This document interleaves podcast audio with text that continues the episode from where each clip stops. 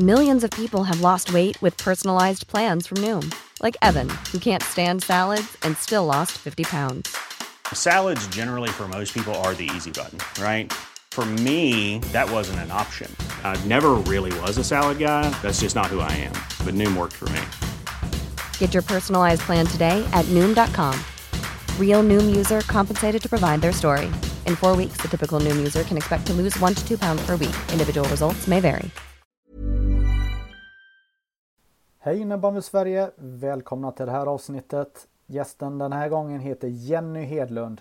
Hon fyller 45 år senare i år. För 15 år sedan avslutade hon sin otroligt framgångsrika spelarkarriär där hon vann SM-guld med IBK Lockerud och massa SM-medaljer med IBF Falun. Hon var lagkapten under 10 år i Falun. Hon eh, vann SM-guld med IBK Lockerud redan som 17-åring. Hon vann junior-SM som 18-åring. Hon blivit eh, vald till världens bästa back två gånger. Hon blev årets spelare i svensk innebandy 98-99. Hon har vunnit två VM-guld. Hon vann poängligan eh, som back i Elit Norra säsongen 01-02. Och eh, hon har blivit årets back i SSL två gånger. Hon har missat tre VM på grund av skador. Det har varit korsband och meniskoperationer och annat. Hon har också fungerat som assisterande förbundskapten för damlandslaget under två år och hon har även varit teammanager team manager under fyra år för damlandslaget. Listan på saker som Jenny, som från början hette Magnusson, eh, är jättelång men nu tänker jag att vi släpper in Jenny och det här hyperintressanta avsnittet. Nu kör vi!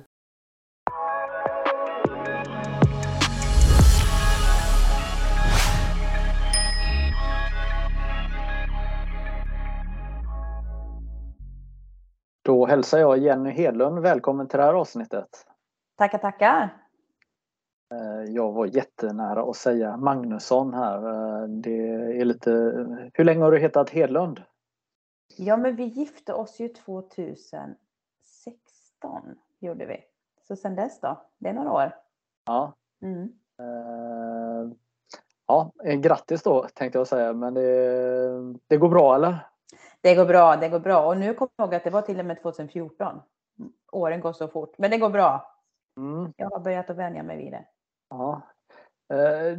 Vi träffades en gång på, vi hade en semester tillsammans. Kommer du ihåg det? Eller inte du och jag utan våra familjer. Ja. Hur lät det här?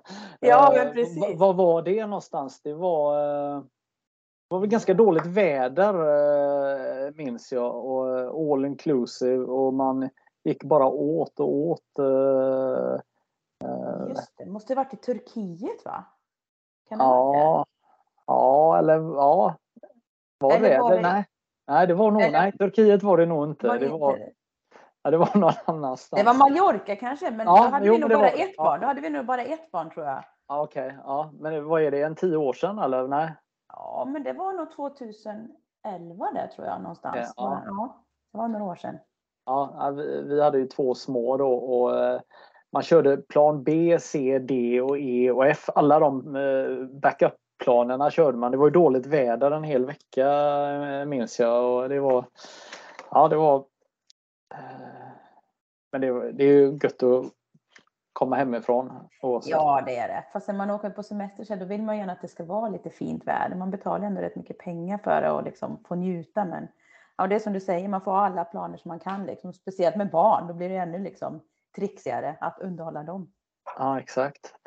Ja, du eh, ska vara distriktslagsledare för Dalarnas eh, tjejer födda 05 eh, från och med i höst. Berätta. Ja, men det känns ju fantastiskt roligt. Jag, jag började på Dalarnas innebandyförbund för några år sedan med en satsning som heter SUD, en spelarutbildning. Och då var det ju 04 som vi startade med och så fick jag ju vara med liksom när 05 kom in i det. Och nu med pandemin och allting så har det ju skjutits upp för dem, jag tror det är två gånger. Eh, vilket då gjorde att den kaptenen som de hade fick komma in med dem som nummer 06 nu så att det blir bra för dem.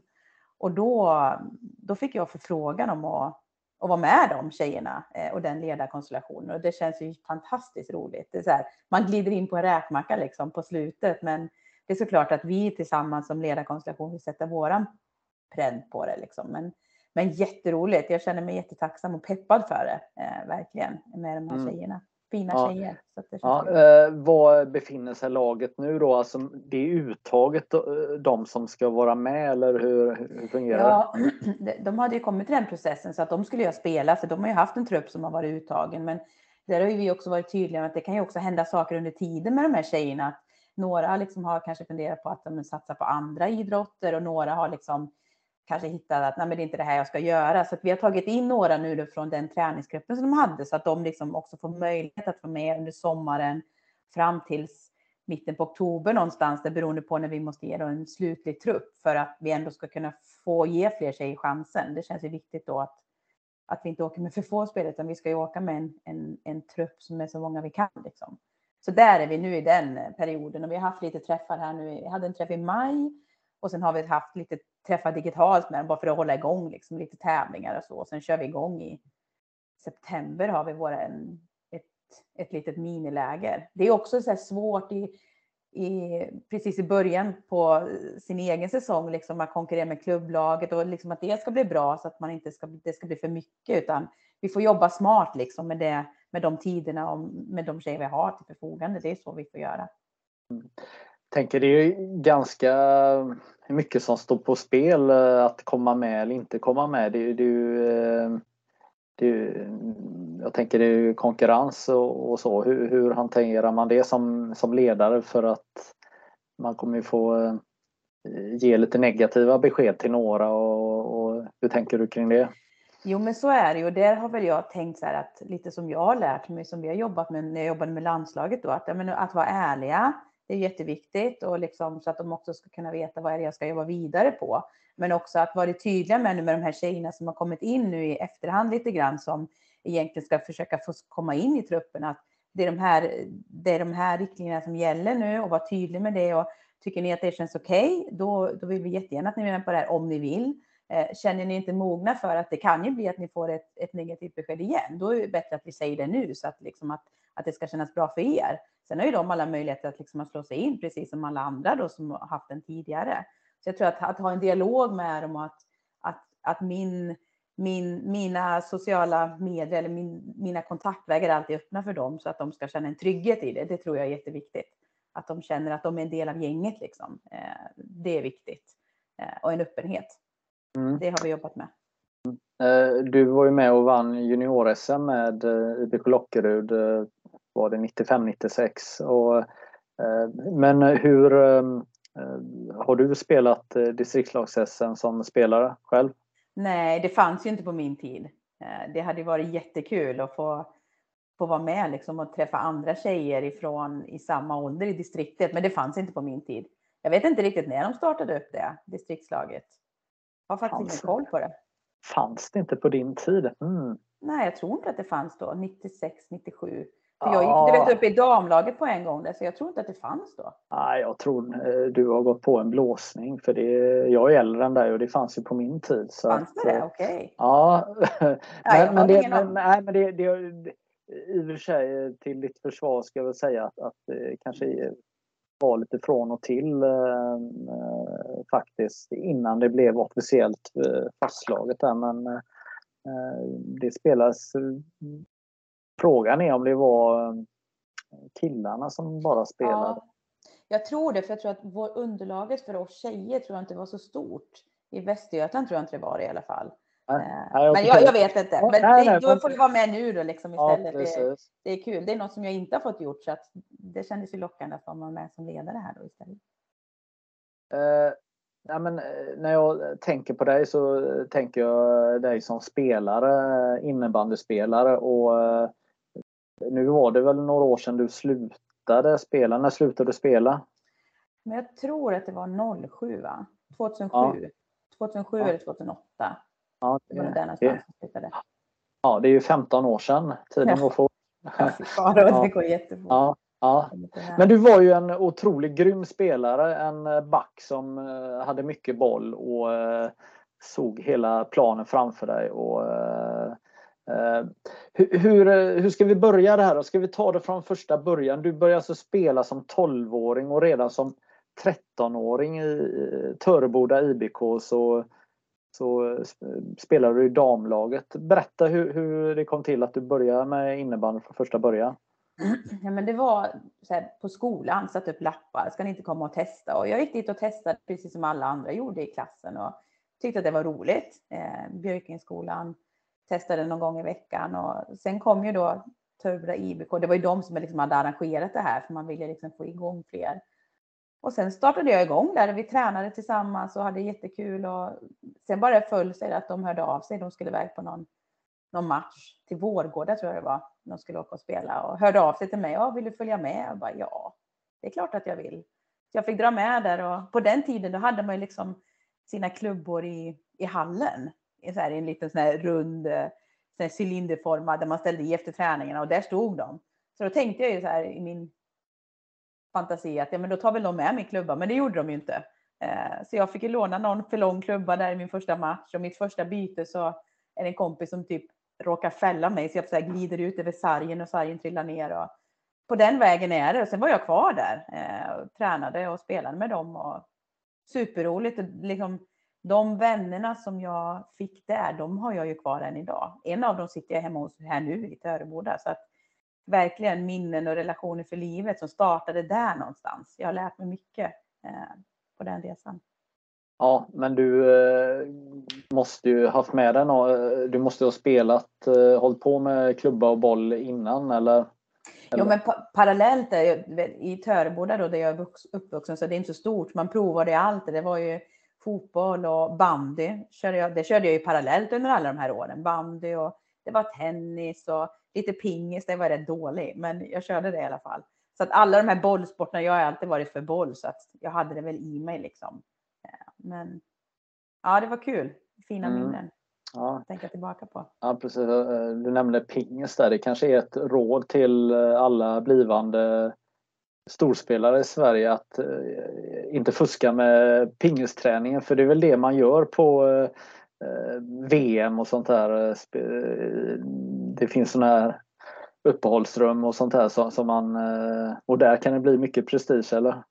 Ja men det kan det bli. Det är ju fantastiskt roligt. Rumpingis och alla möjliga olika former och det är ett bra sätt att att koppla bort liksom ifrån det man ska göra egentligen, att man ändå har lusten och liksom ändå få in det liksom, lite tävlings, eh, Eh, lusten i det. Så att, eh, absolut, tumma inte på pingisspelandet utan vill man nå framgång då ska man vässa den delen också kanske.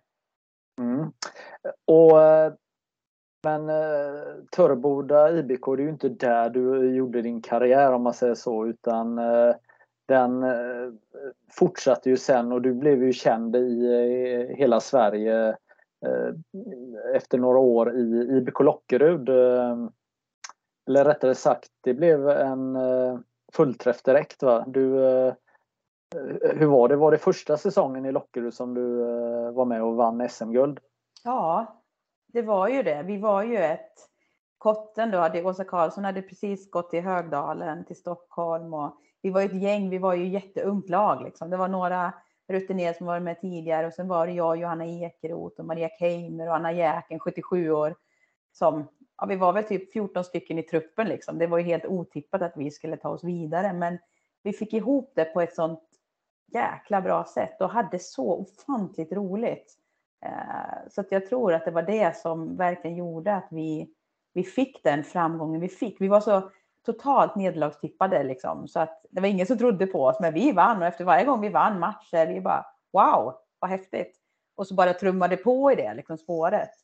Ja, jag menar eh, om du pratar om 77, det betyder ju att ni var 17, 18 år eh, alla de här unga tjejerna då. Ja, vi var ju, ja men precis, vi var ju 17 år. Många av vi blev ju liksom bärande tillsammans med de andra. Det var några som var några år äldre, lite mer rutinerade, Susie Pettersson, Anette Hultman. Men sen var det ju ja, men mellan 77 och 72, 70, det var där vi var liksom, låg någonstans emellan. Ja och jag hade så roligt. Så att... Precis. Mm. Eh, det fanns ju en vinnarkultur i föreningen eh, då. när du kom, för då hade ju herrarna vunnit fem SM-guld och mm. damerna ungefär lika många, höll på att säga, mm. och spelat väldigt mycket SM-finaler mot Rasket och, och sådär. Så, att, så det fanns kanske någonting eh, Eh, vinnarkultur och att man eh, skulle kunna lyckas ändå i, i, i väggarna, eller hur, hur tänker du? Jo, men det är klart att det fanns. Vi hade ju ledare som hade varit med, liksom SK Leppem hade varit med under liksom alla år och hade, hade den kunskapen. Och det blev ju liksom att vi ställde också krav på varandra på något sätt. Att när vi gjorde det, då gjorde vi det rejält. Vi visste liksom att när det gällde, ja men då gällde det. Däremellan hade vi väldigt roligt. Men jag tror också att det var en kultur i föreningen och vi hade kul med killarna. Det var så här äh, festligheter tillsammans med dem. Att det var en bra gemenskap som gjorde liksom att vi pushade varandra på något sätt. Eh, vi var och kollade på deras matcher och de var och kollade på våra matcher. Det var hajpat liksom. Det var häftigt i den föreningen. Sen ska inte jag säga att innan jag gick dit, jag hade typ inte koll på Lockerud. Liksom. Vad är det för gäng och vad är det för lag? Liksom. Jag hade verkligen ingen koll på det innan. Men jag bara liksom blev omfamnad och kom in i det på ett sånt bra sätt tillsammans med de andra. Mm. Eh, man kan ju säga att Vadsbohallen hade ju haft ganska många SM-finaler eh, genom åren där så att eh, Mariestad var ju ett center för innebandyn, lite så mm. som kanske där du bor idag, Falun, har, har mm. blivit eftersom det var och varannat år spelas finaler i Mariestad. Mm. Absolut, så var det ju. Och det märkte man ju också att det var ju alltid drag. Liksom. Det var ju mycket så här man skrev om det i media och ja, men det var det. Man märkte att det, det var en innebandystad och det är det ju idag också. De har en egen fantastisk arena och så. Sen är de inte liksom i högsta serien på det sättet, men det finns en vilja och ett drag i det och det är fantastiskt att det fortsätter. Mm. Ja, Hur kom det sig att du hamnade i Lockerö då? Ja, men jag, jag pluggade ju på gymnasiet där i Mariestad och jag fick en förfrågan om att komma dit och testträna och jag var i Strandgården också. De var ju också konkurrenter då. Men det kändes liksom mer rätt med Lockerud. Det var väl en magkänsla jag gick på där. Så jag var ju runt och provade både på Strandgården och Lockerud. Men ja, det blev så. Ja, just det. Strandgården var ju uppe där också. Ja. Mm. ja, det är otroligt. Två lag från eh, lilla Mariestad i, i högsta serien på både dam och herrsidan under flera år. Där. Mm. Mm.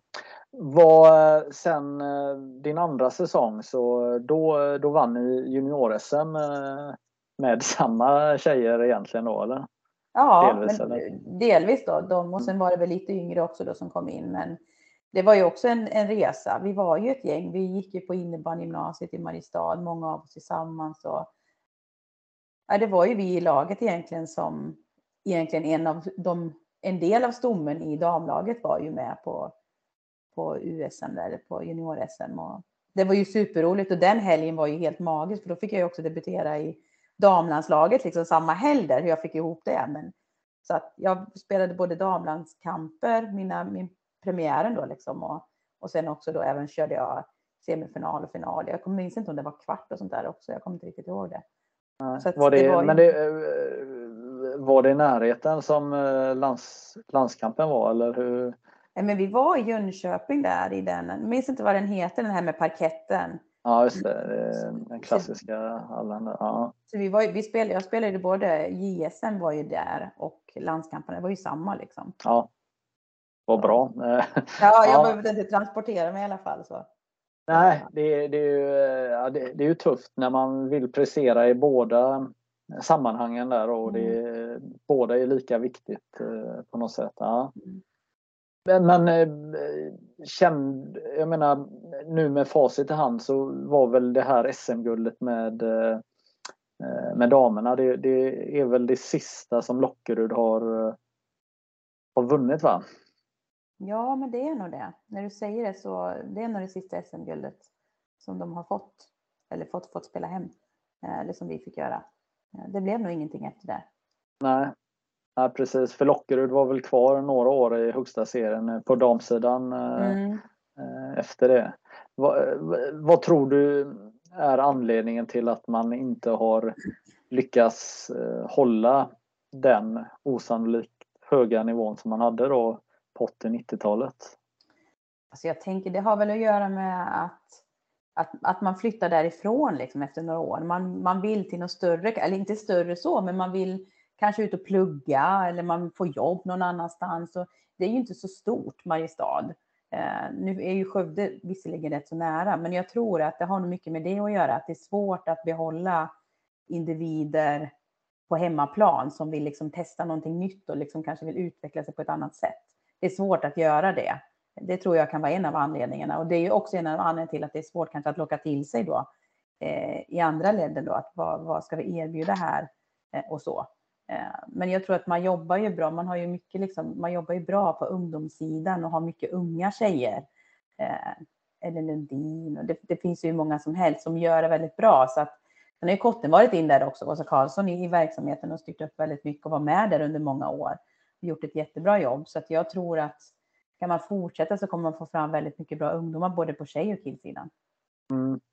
Eh, det är lite otacksamt tänker jag för eh, min eh, känsla av IBK Lockerud idag är ju att, att klubben är starkare än, än på sin storhetstid. Alltså man har en fina anläggningar och en mm. klubb som, som kämpar på och är, och är duktiga, precis som du nämner här, på, på många saker. Mm. Men samtidigt så har ju innebandykartan ändrats och förutsättningarna att, mm. att spela på elitnivå är ju kanske lite annorlunda än på det glada 80 och 90-talet. Ja, det är ju det, men de, som sagt, de jobbar ju på hur bra som helst. Men deras nya arena, det är ju fantastiskt vilka möjligheter som finns där och för olika kupper som de har och matcher. Och jag vet att när vi var hemma här sist i juni så var mina barn med, en av mina vänner då, hennes barn i arenan. Där liksom det är fritt för ungdomar att gå dit under dagtid. Det finns bollar, de har kontakt med dem på kansliet. Kom dit och träna och bara lek. Det är fantastiskt hur många hallar det är som har det. Så, så har vi det inte i Falun. Inga hallar har det så, utan då måste man boka tider. Bara, bara att man har en sån möjlighet, det ger ju möjligheter, liksom, att man tänker på det sättet. Det tycker jag är fantastiskt. Ja, eh, och sen ska vi se här, eh, 20 år gammal ungefär så eh, då tänker du att du du ska flytta högre upp i landet. Ja. Eh, eller om man nu ska säga. Du väljer att flytta till eh, Falun. Ja, jag hade väldigt många anbud. Då hade vi ju spelat vårt första världsmästerskap 97. Och jag hade många anbud den våren, liksom en, vad jag skulle ta vägen. Det var Jönköping och det var Stockholm och det var Falun. Men det var ju att jag hade ju, vad ska man säga, Cliff, vad säger man? Klaffat. Så säger jag. hade klaffat ihop mig med eh, framförallt med Malin Östnör. Malin Karlgren heter hon idag och Camilla Granelid från Falun. Och kände väl liksom att fasen, de här, de här känns, det är bra tjejer och de här kommer jag ha kul med. Jag känner mig trygg med dem. Och det följde naturligt att de hörde av sig till mig och sen blev det så. Och jag tänkte, ja men det blir en säsong liksom. Eh, det blev ju några fler. Eh, ja, tio ja. ungefär. Mm, ja, fantastiska år. Det hade jag kanske inte tänkt att det skulle bli så många. Nej, för att eh, nu när vi står här, eh, eh, ja det är faktiskt 25 år sedan, 97 va? Ja, mm. nej, ja. nej, ja. Ja, Precis, ja, 25 år sedan. Och om man, vi som kan vår innebandyhistoria vet ju att under väldigt många år så var ju innebandyn i Falun förknippad med damlagets mm. framgångar. Mm. Det är ju först de sista 10-12 åren som herrarna har tagit över och dominerat. Mm. Nu vill väl eh, damerna ha ett finger med i spelet igen här nu när man är eh, vad gör man, sin andra eller vad blir det, andra säsong i, eller tredje säsong i, i SSL igen här. Och, men eh, det gick ganska bra för, för er men ni fick aldrig någon eh, prick över i som man säger. Nej. Nej, vi fick ju inte det. Vi hade ju fantastiska, om man kollar tillbaka, liksom, olika trupper som vi hade så hade vi ju egentligen allting. Vi fick bara inte till det. Um, vet faktiskt inte vad det beror på. Um, vi fick inte till det i rätt läge. Vi kunde ju vara asgrymma i serien liksom och vinna den. Och sen när det väl gällde, vi var inte bäst när det gällde. Eh, vilket känns ju supertråkigt liksom. Eh, det var ju så spännande finaler den här mot Högdalen när det var typ två matcher i en, en final liksom. Helt sjuka matcher. Men vi fick inte till det. Eh, det, det förstår, jag har ju fått ett SM-guld, det hade jag ju med Lockerud, men de som ständigt hade det och aldrig fick det. Jag kan ju förstå att det är tärande. Det var det för mig också, men jag har någonstans tror jag så glömt det lite grann. Vi hade så himla kul så att, och jag har lärt mig så mycket på de här resorna så det kändes som att ja, ja, det blev som det blev liksom. Vi kan inte mm. göra någonting åt det nu i alla fall. Precis, för, för efter det SM-guldet som du vann med, tillsammans med IBK Lockerud så vinner ju Högdalen vinner ju fyra raka SM-guld då. Eh, och sen så eh, blir det Balrog som jag tror tar fyra också. Så att mm. på åtta år så är det ju eh, Stockholm som vinner, åt, mm. Stockholm vinner åtta år i rad och sen mm. var det inte Örnsköldsvik kom väl emellan där något år. Ja precis, det gjorde de. Och, och, och sådär. Men, men, men det var det var någonting bra i Stockholm också som fanns. Mm. Det var en hög bredd tänker jag eller? Jo, men det var ju. Det var ju, det var ju, det var ju Stockholm-Falun egentligen lite grann då. Eh, och det var ju alltid de matcherna man längtade efter, de här riktiga griniga matcherna där man liksom, där det verkligen gällde liksom på millimetern. Det var det liksom man spelade för ju någonstans.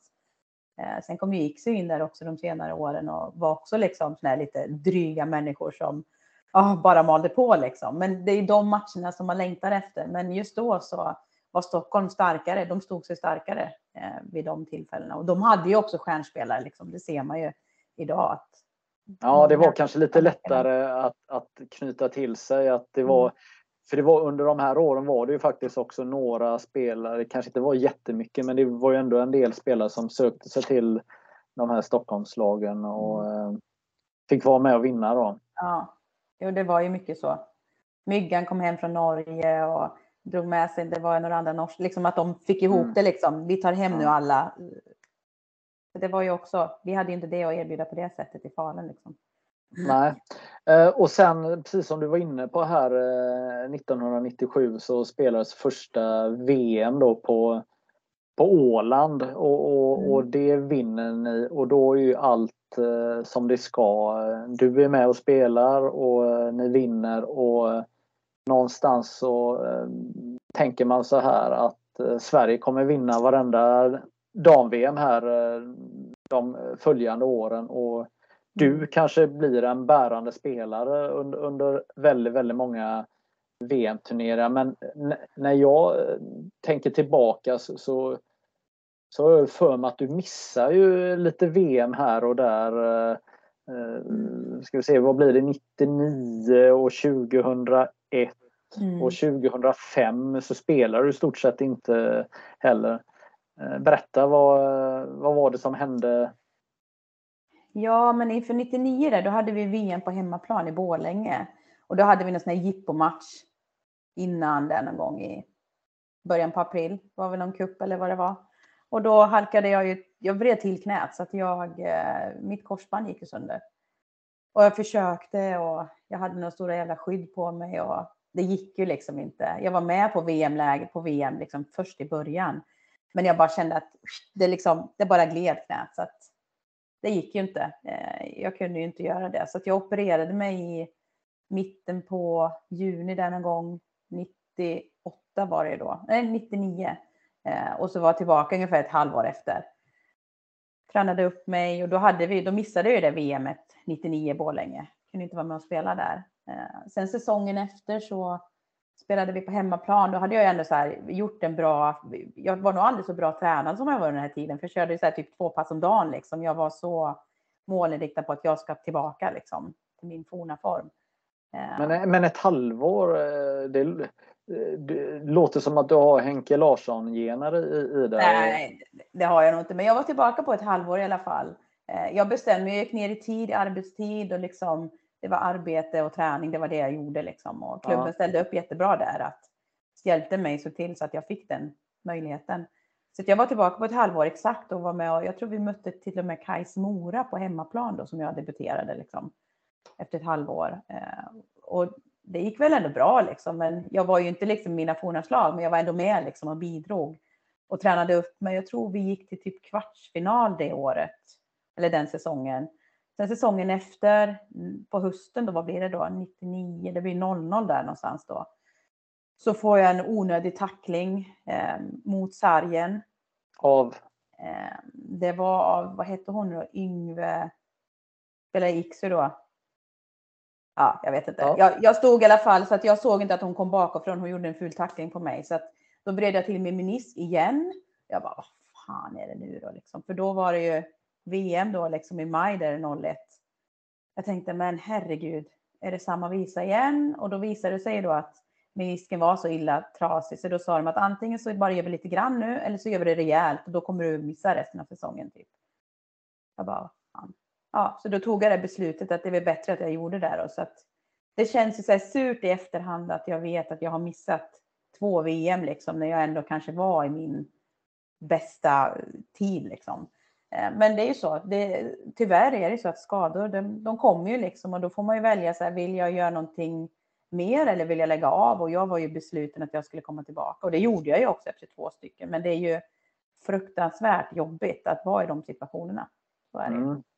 Ja, att du inte var med kanske påverkade utgången för jag vill nog påstå att eh, eh 99 och 2001 är väl eh, kanske de två eh, största besvikelserna tycker jag som ett seniorlandslag har gjort att man inte har att man inte vann där. För någonstans så kände jag att svensk daminnebandy var så mycket bättre än, äh, än äh, de andra nationerna på den tiden. Så jag tycker verkligen att man borde vunnit. Äh, men 2003 så, så fick du vara med och det var ju i mm. Schweiz. Mm. Och nu så går det ju att googla om det här och så men det var ju verkligen eh, tufft läge. Ni, ni eh, har missat då, eh, jag menar hemma-VM så, blir det brons då. Man, eh, Sverige missar, inte ni, utan Sverige missar ju eh, VM-finalen 99. Sveriges Television ska direktsända matchen mm. från Borlänge och vet ju inte vad de ska göra här utan på något sätt så tror jag man fick till att man sände bronsmatchen men hela upplägget blev ju jättekonstigt där och sen då mm. på, i Lettland så blev det ju förlust i finalen då mot Finland va? och mm. eh, 2003 då så ser det riktigt, riktigt illa ut i semifinalen. Eh, mm. Kan du berätta vad, vad var det som hände i semifinalen? Alltså det är nog en av de det här brukar alltid jag berätta om när jag är ute och föreläser, för det, var, det är så många olika aspekter i den här delen. Att vi, Dels att vi får möta Finland i semifinalen. Vi hade ju liksom inte förberett oss för det, utan vi tänkte vi ska möta dem i en final. Men eftersom vi förlorade mot Norge i vår första gruppdelsmatch så vart det Finland. Så vi var, liksom, vi var inte mentalt redo för det, varken vi eller våra ledare. Vi hade inte pratat om det någonting. Eh, men vi efter första perioden så leder de med 3-0. Vi bara, eh, vad händer nu? vi kan bättre. Om alla går ut och gör det vi ska, varför vi är här, då kommer vi vinna det här.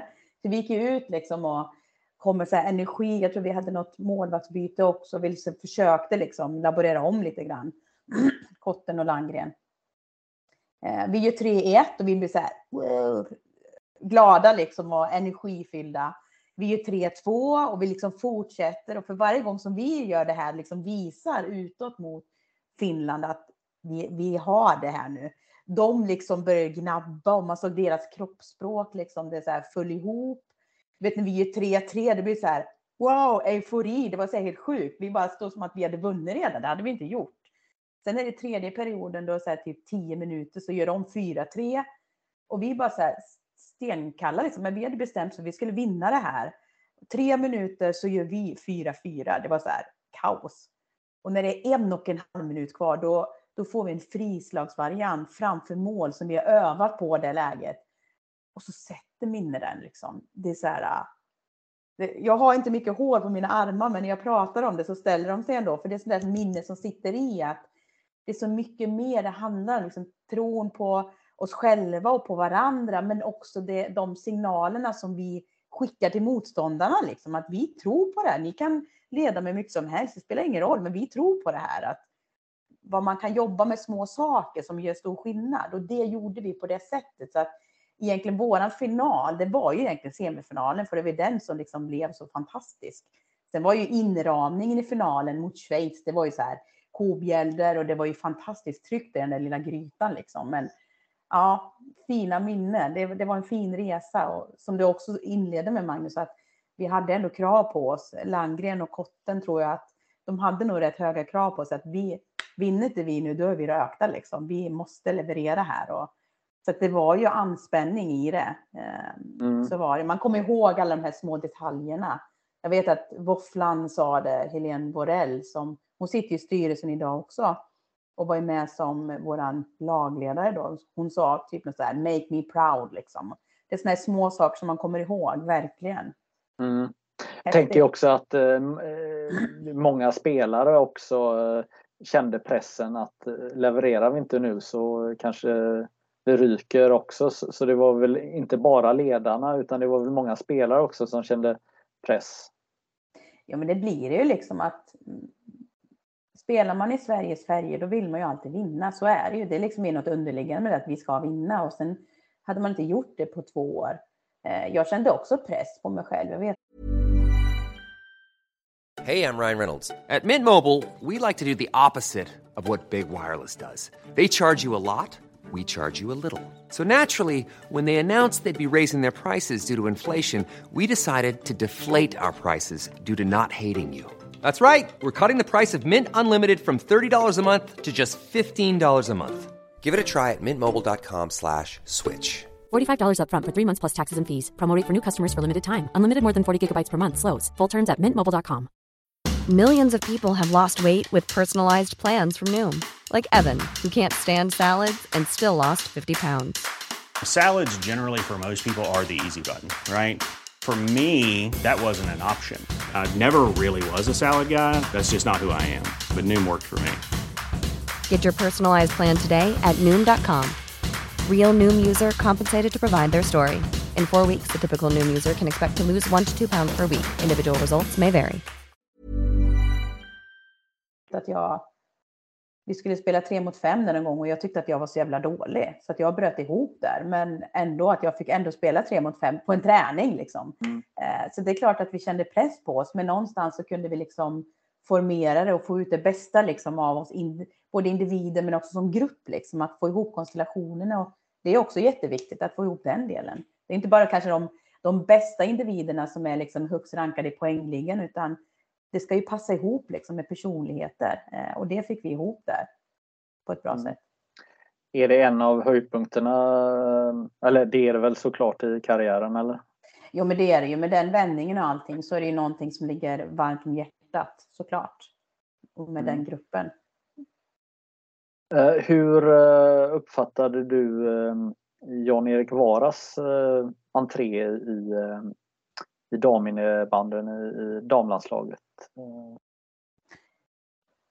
jag slutade ju där, eller någonstans, så han kom in med liksom nya idéer kring eh, fysen och den delen och det tycker jag om man ser tillbaka på det så var det jättebra för svensk innebandy att han kom in med mer kravställan. Att vi behöver liksom bli mer tränade för att vi ska kunna liksom nå toppen på ett bättre sätt och liksom hålla motståndarna bakom oss. Så jag tycker att det var bra eh, att han kom in med sina tankar och idéer.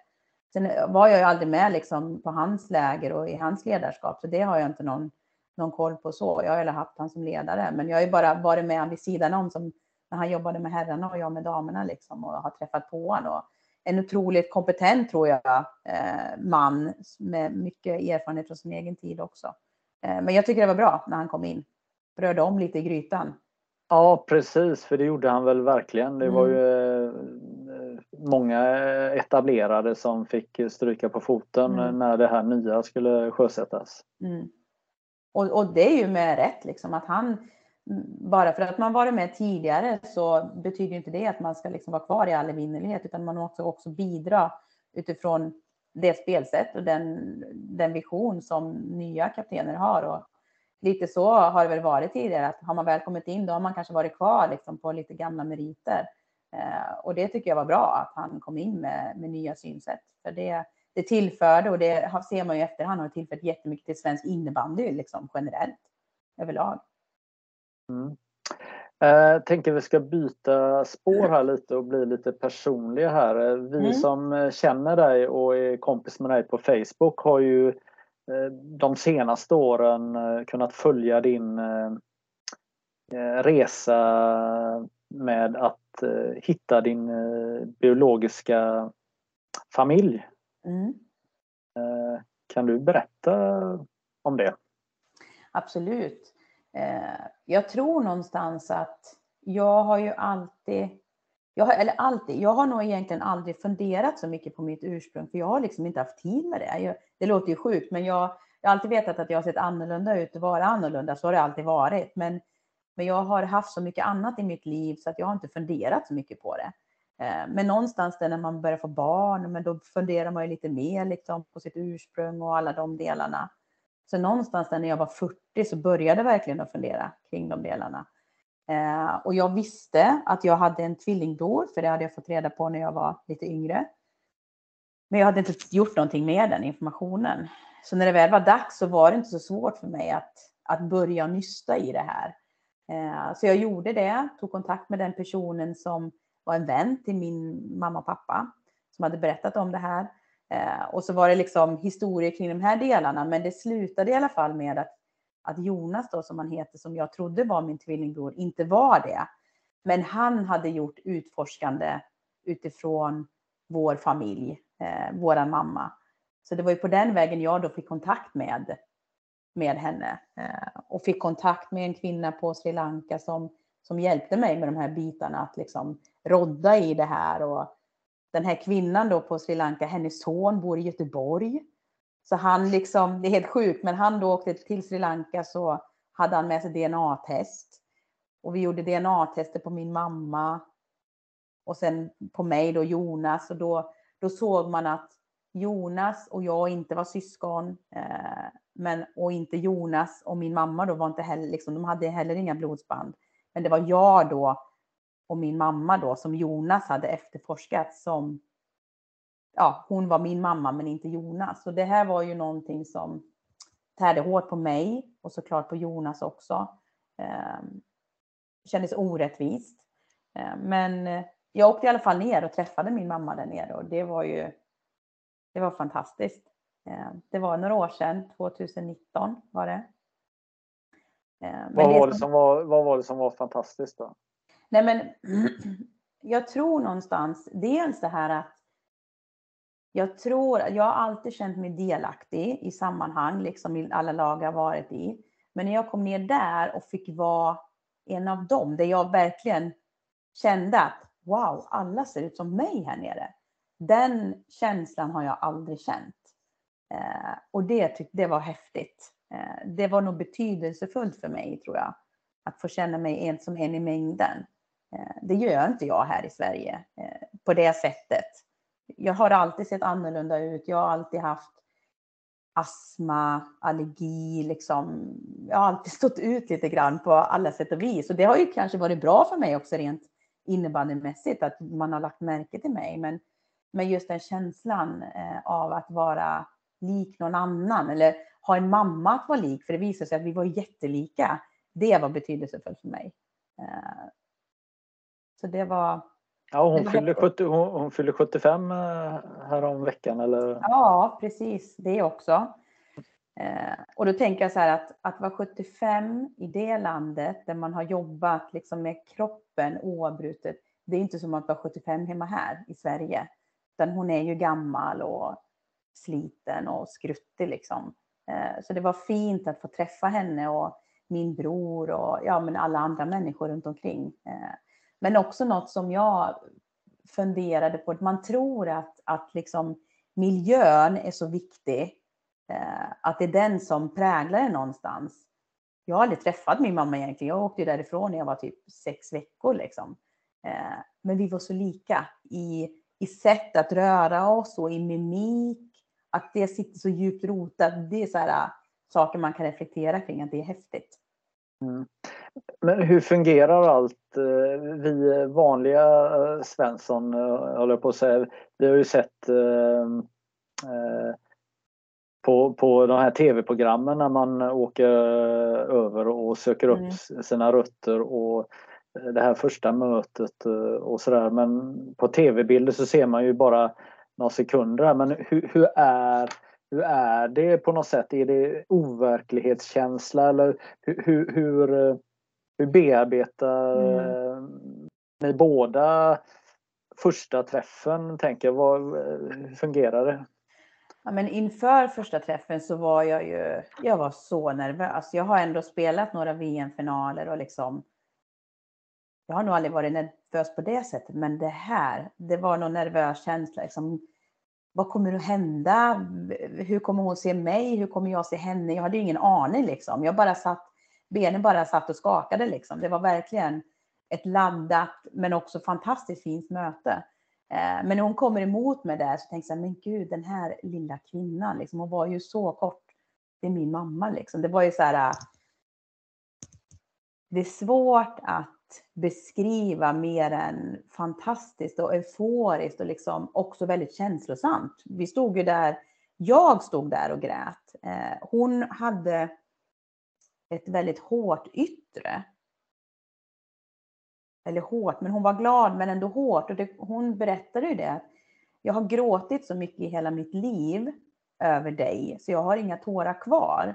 Så det första mötet, då var ju hon bara så här glad och liksom den här ytan. Men sen när jag hade skrivit ett brev som jag hade fått översatt och liksom berättat om mig själv, då, då rämnade det för henne. Liksom, att då blev hon mer mjuk. Så att jag tror att hon har ju liksom, tänkt att leva med att man lämnar bort sitt barn. Det är ju fruktansvärt. Och inte veta liksom att hur har hon det? Var är hon någonstans? Inte ha koll på de delarna. Och bara att så här, konstig känsla för henne att jag kommer in liksom i hennes liv igen. Eh, hon har ju inte berättat det här för någon. Det var ju min bror i princip. Alla andra i byn här, det var ju hysch hysch. Jag var ju bara någon som kom dit bara för att hälsa på. Liksom.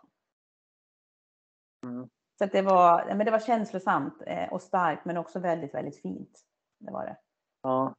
Hur var det för henne att se dig då som kommer som ja, du är vacker och eh, väl ser ut att må bra och sånt. Mm. Hur, hur, hur hur tog hon det?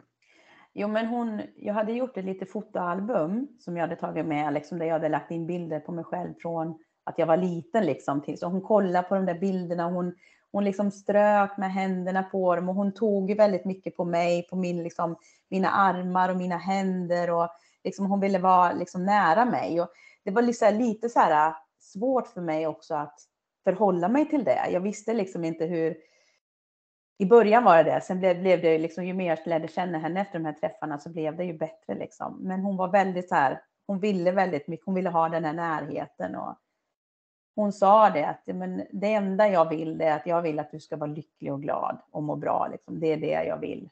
Eh, sen var jag ju jätteledsen när vi liksom sista avsluten och det var ju jättehemskt. Det är ju sånt som man inte, de här avsluten är ju hemska. Eh, och vi vet aldrig, kommer jag träffa henne igen? Det har man ingen aning om. Så att, ja, det var känslosamt liksom hela den här resan. Mycket att bearbeta. Jag tror inte att jag sov en blund. Min kompis som var med, hon, hon kunde ju sova, men jag, jag sov inte mycket under den här veckan. Liksom, för det var mycket att fundera kring. Uh jag pratade med en eh, tjej som eh, också eh, letar upp sin, som spelade Pixbo för massa år sedan och hon letar upp sin mamma. Jag tror hon var med i, i något sånt här tv-program men hon hennes upplevelse blev inte helt lyckad e-, enbart. Hon, hon det blev jobbigt efteråt av massa olika anledningar. Vad, var det någon rädsla som du hade att, eh, att eh, det skulle kunna bli något negativt? Nej.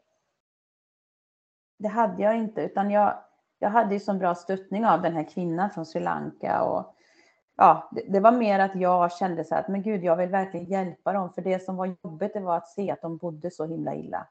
De bodde liksom som i ett skjul och det kände jag så här, men gud, vad, vad kan jag bidra med här för att ändå att de ska få ett bra liv. Liksom. Eh, så jag startade en insamling där.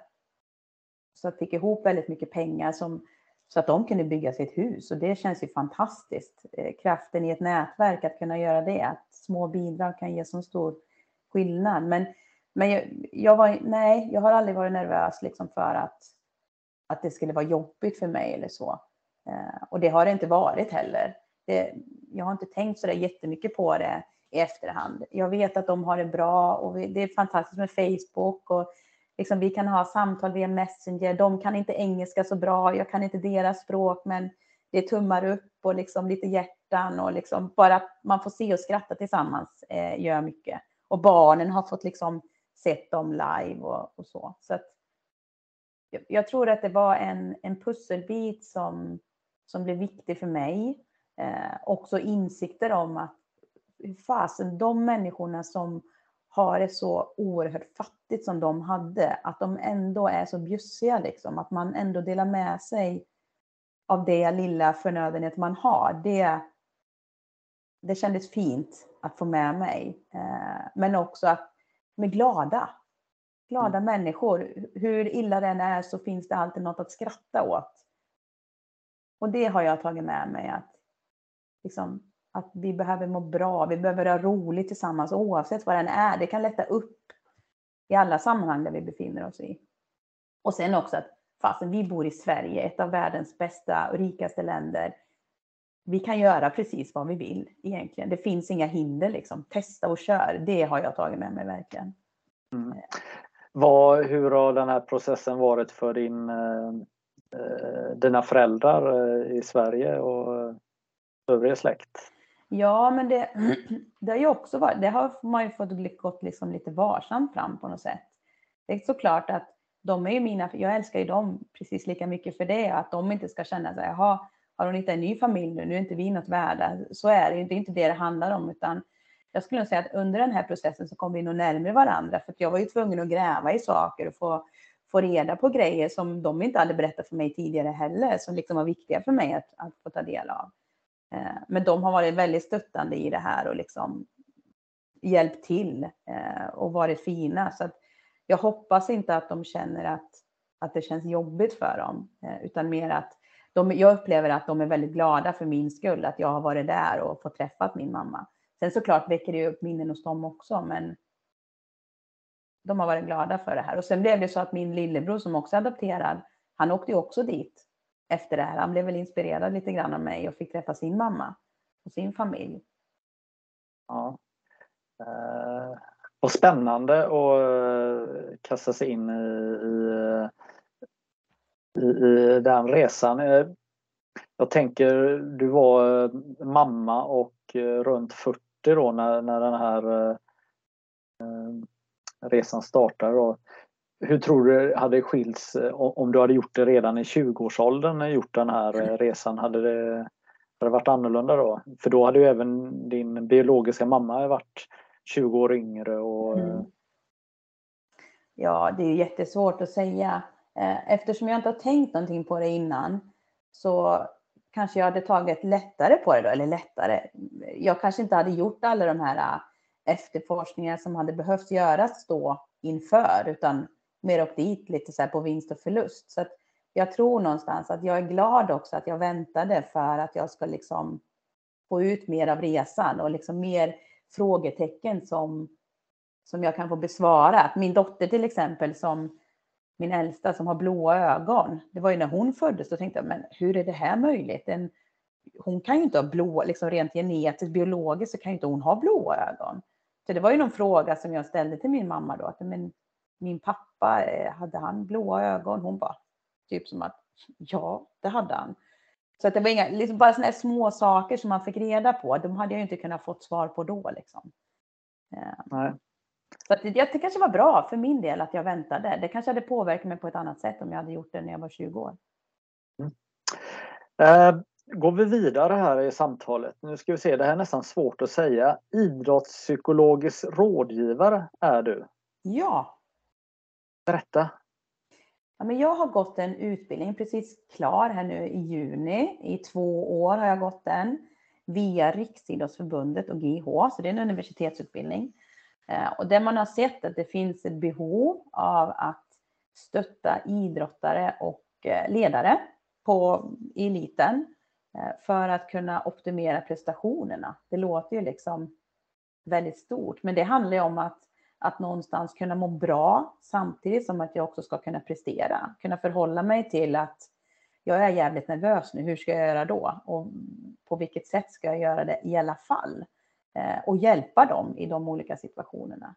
Det har varit en superbra utbildning och jag är så glad att jag fick möjlighet att gå den här utbildningen.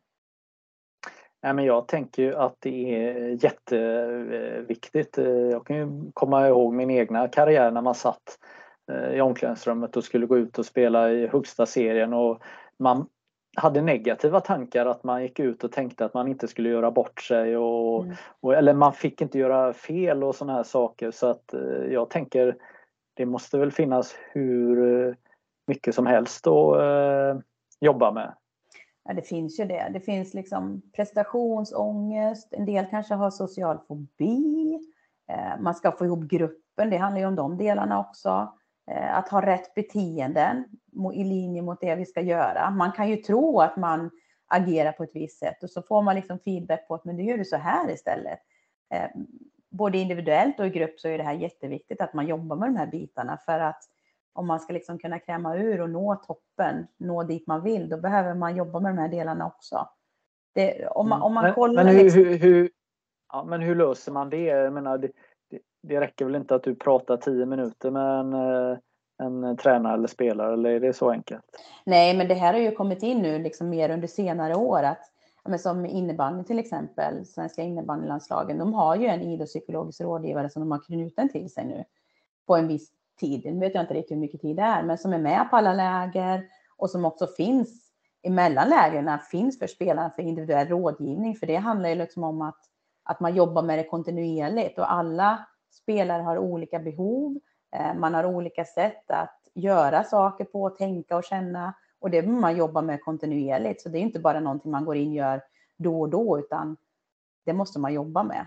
Eh, så tio minuter här och tio minuter där, det räcker ju liksom inte. Sen är det, kan det vara, det kan göra, små saker kan göra stor skillnad för en individ, så är det.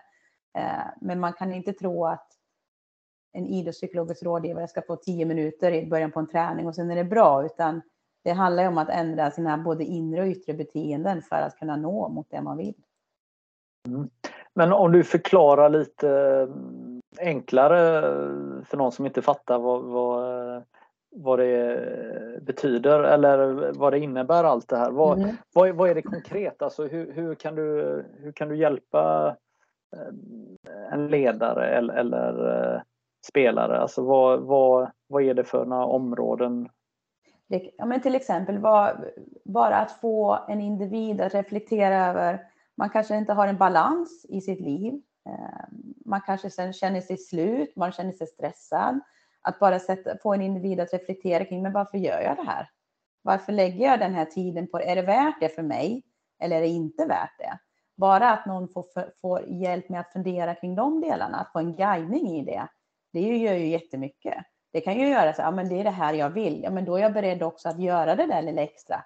Kanske i träningen, i det mentala, eller i mer fysträning eller mer styrketräning för att jag ska kunna nå dit jag vill bara få hjälp i, liksom i coachande samtal i de här delarna.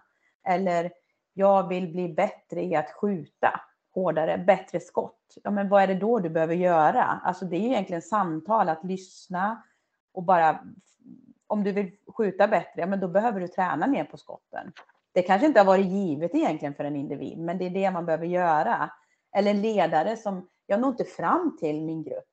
Jag når inte fram till dem och så kanske jag är med på en samling och så ser jag att ledaren den bara står och pratar själv hela tiden. Den lyssnar inte in. Det kan ju vara ett sätt för ledaren att reflektera. Jaha, jag ska lyssna på gruppen också. Vad behöver de? Vad, vad är det de vill ha? Bara sådana här små saker. Det är det som gör att jobbar man på de sätten så kan man också nå längre, tänker jag. Ja.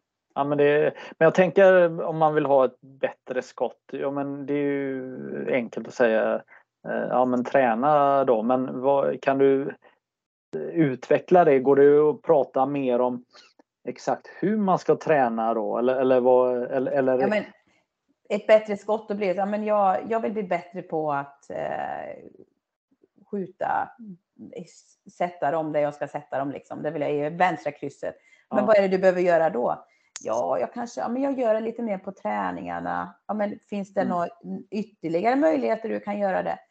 ja, jag, jag, kanske kan vara på träningen en halvtimme in. Liksom att öppna perspektiven för att liksom hjälpa till att, att tänka lite vidare, lite större. Eh, finns det någon du kan ta hjälp med? Jag kanske inte är den som ska visa skotten, det kanske inte var min styrka.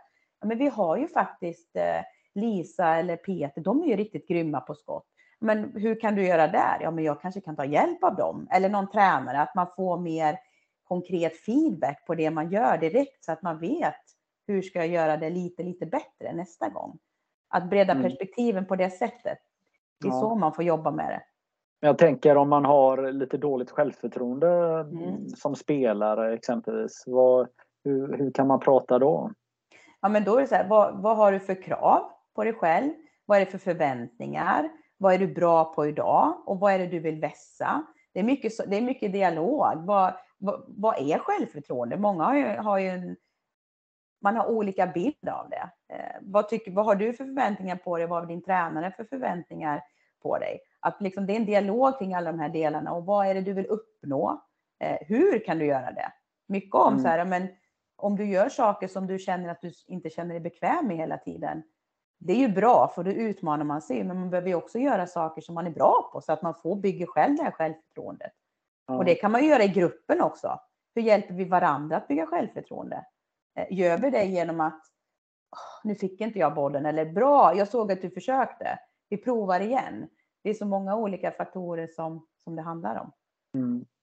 Precis, och hur, hur tänker man om, om eh, Eh, man har prestationsångest? Jag menar, det kan ju vara i, e, även inom laget att eh, han eller hon eh, sätter press på dig som lagkamrat att man ska leverera. Hur pratar man om sådana saker? Då? Men det handlar ju också om att, att ha en tillit till varandra, att bygga gruppen från början. Att ja, men här är det tillåtet, vi får göra fel, misstag. Egentligen, jag brukar säga det, det är egentligen inte misstag man gör, utan det handlar ju om att vi lär oss nya saker. Tänk om vi skulle gå ut och göra en och samma sak hela tiden och det blir rätt hela tiden, men vi lär oss ingenting nytt. Det handlar ju om att ha en acceptans inom laget, att i det här laget så ska vi hjälpa varandra att bli bättre och det gör vi genom att att prova nya saker.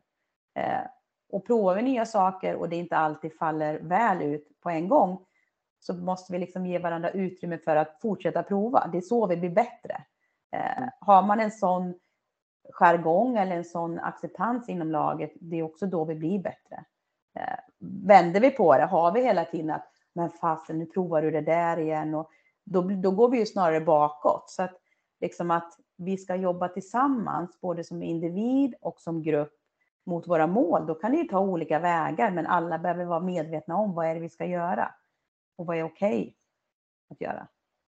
Vad är det du tycker är det eh, utmanande och roliga med, med att, att jobba som idrottspsykologisk rådgivare? Alltså jag har ju, jag, jag tycker att det är häftigt att få jobba med växandet hos individer. Eh, att få se att att små, små saker gör så väldigt stor skillnad. Kan vi jobba med varje individ och lyfta den i en grupp samtidigt som vi jobbar med gruppen och ledaren, förstå vad mycket man kan få ut då. Så att de här små, små sakerna som kan göra stor skillnad, bara att komma till träningen och säga Hej, hur mår du? Hur har du haft det idag? Bara att liksom börja lära känna varandra mer. Det gör så stor skillnad för gruppen att få den här tryggheten. Eh, och det tror jag att både som ledare att ha det perspektivet men också som spelare att alltid, inte alltid kanske ta armkrok på den som man alltid tar armkrok på utan med små medel lära känna varandra inom gruppen gör en trygghet och då vågar man blomma mer också. Eh, så växandet, det tycker jag om. Eh, det är häftigt. Ja, du eh, är ju egen företagare i den här branschen då och hur hur kan en förening eller, eller idrottsförbund eller, eller distriktsförbund eller hur, hur, kan man hur kan man kontakta dig och hur, hur kan ni, ni börja samarbeta?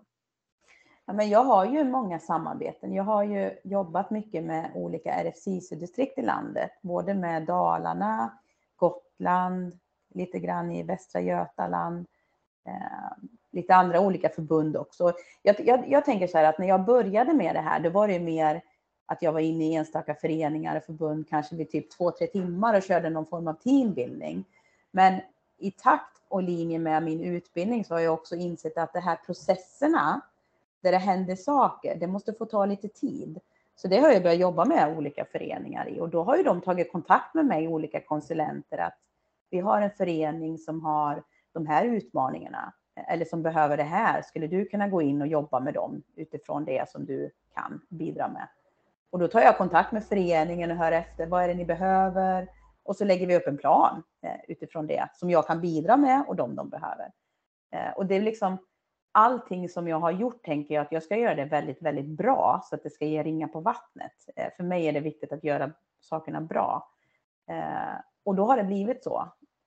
Jag samarbetar med Stockholms fotbollsförbund och där har det också blivit en ringa på vattnet i de olika utbildningar jag gör där. Så jag tänker att jag har jobbat egentligen utifrån mina kontakter och relationsskapande som jag har liksom haft under alla mina år och gjort det väldigt bra utifrån det jag känner att jag kan och behärskar.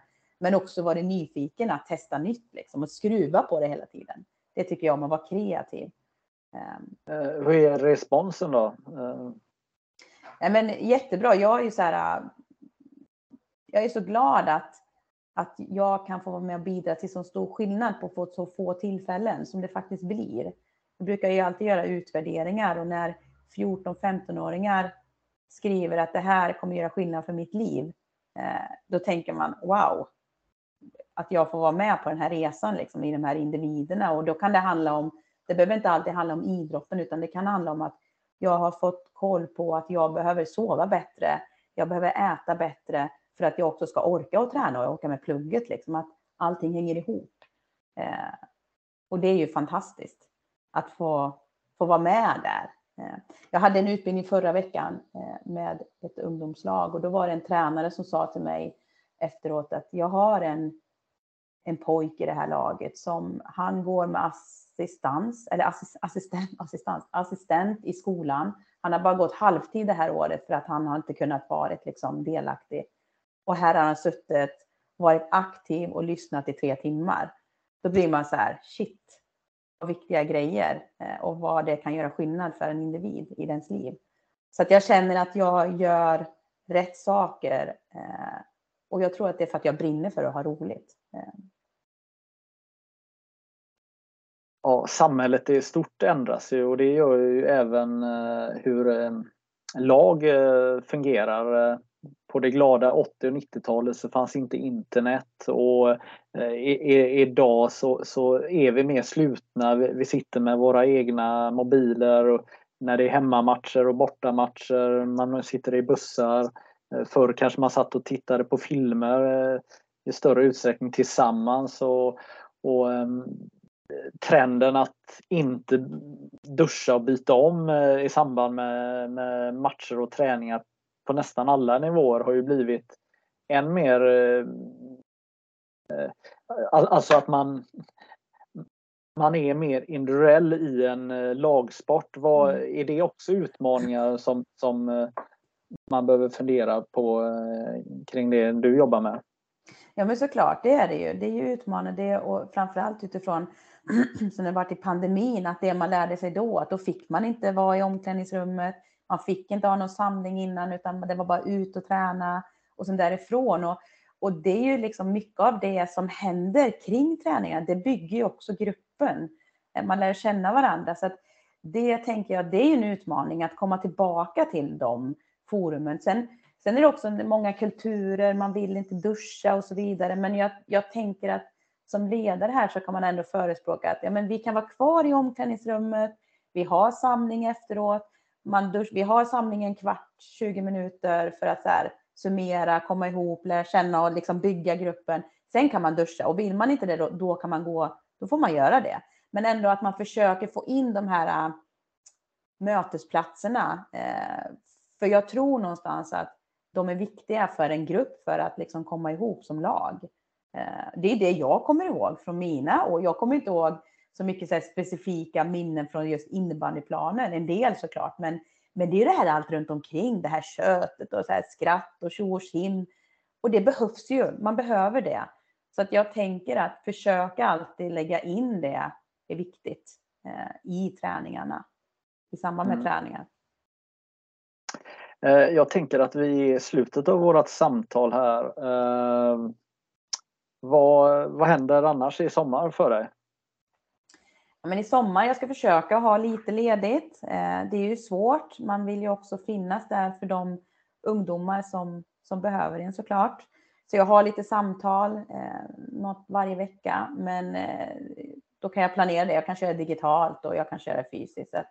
Jag försöker vara lite med familjen och lite egen tid också. Komma iväg lite själv, hänga med vänner och nu är jag hemma i Töreboda några dagar. De har festival här så att det är fint att se på Sveriges eh, elit, vad säger man, gräddan av eliten här eh, under några dagar. Så det blir lite blandat. Mycket festligheter eh, blir det också. Många 50-årskalas som jag ska gå på. Lite sådär. Ja. Bad som det brukar vara. Och hur kommer det gå för Dalarna i distriktslags-SM? Blir det seger eller? Ja men det blir nog det tror jag. Får vi ihop det bra så. Eh, jag, har fakt- jag har inte så stor koll på de, på de andra distrikten. Eh, men vi har av det jag sett så har vi väldigt duktiga spelare eh, och väldigt fina, de är fina människor liksom med varandra. Så att, kan vi jobba mer med gruppen och liksom vässa på vår taktik och det vi ska spela så är vi absolut med i toppen. Och det är det Åsa och Andreas också säger, mina kollegor, att de, eh, det är bra, vi står oss bra där ute. Sen vet man aldrig, när det väl kommer till kritan, eh, vad händer då? Eh, det har man ju också varit med om förr. Så vi får se. Det skulle vara kul jätteroligt att få, mm. få vara med och slåss där uppe i toppen. Hur tror du det går för eh, Faluns damer som, ja det är ju väl din klubb nu eh, mm. i SSL. De, eh, kan de nå SM-final? Jag tror faktiskt att de kan göra det. De har ju något spännande som de liksom fick igång här i andra delen av förra säsongen och oerhört skickliga spelare och de spelar ju fint och de har en oerhörd disciplin så att jag, jag tror att de kan göra det. Eh, jag hoppas det också. Det vore väl härligt om damerna kunde komma till final också här framöver. Häftigt med en dubbelfinal kanske, det vet man aldrig. Nej. Eh, Jenny, tack så mycket för att du ville vara med i det här avsnittet. Tack så mycket själv.